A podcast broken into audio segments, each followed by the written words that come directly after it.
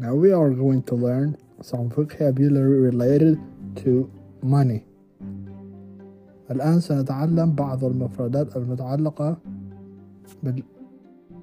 بالفلوس.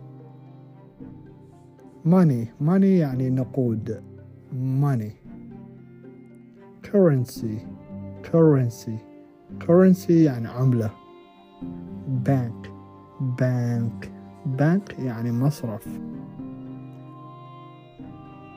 Bank account bank account يعني حساب بنكي bill bill bill يعني فاتورة investment investment investment يعني استثمار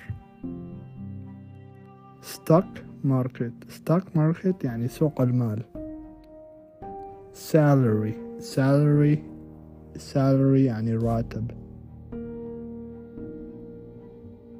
I hope you like it. أتمنى الإعجاب. thank you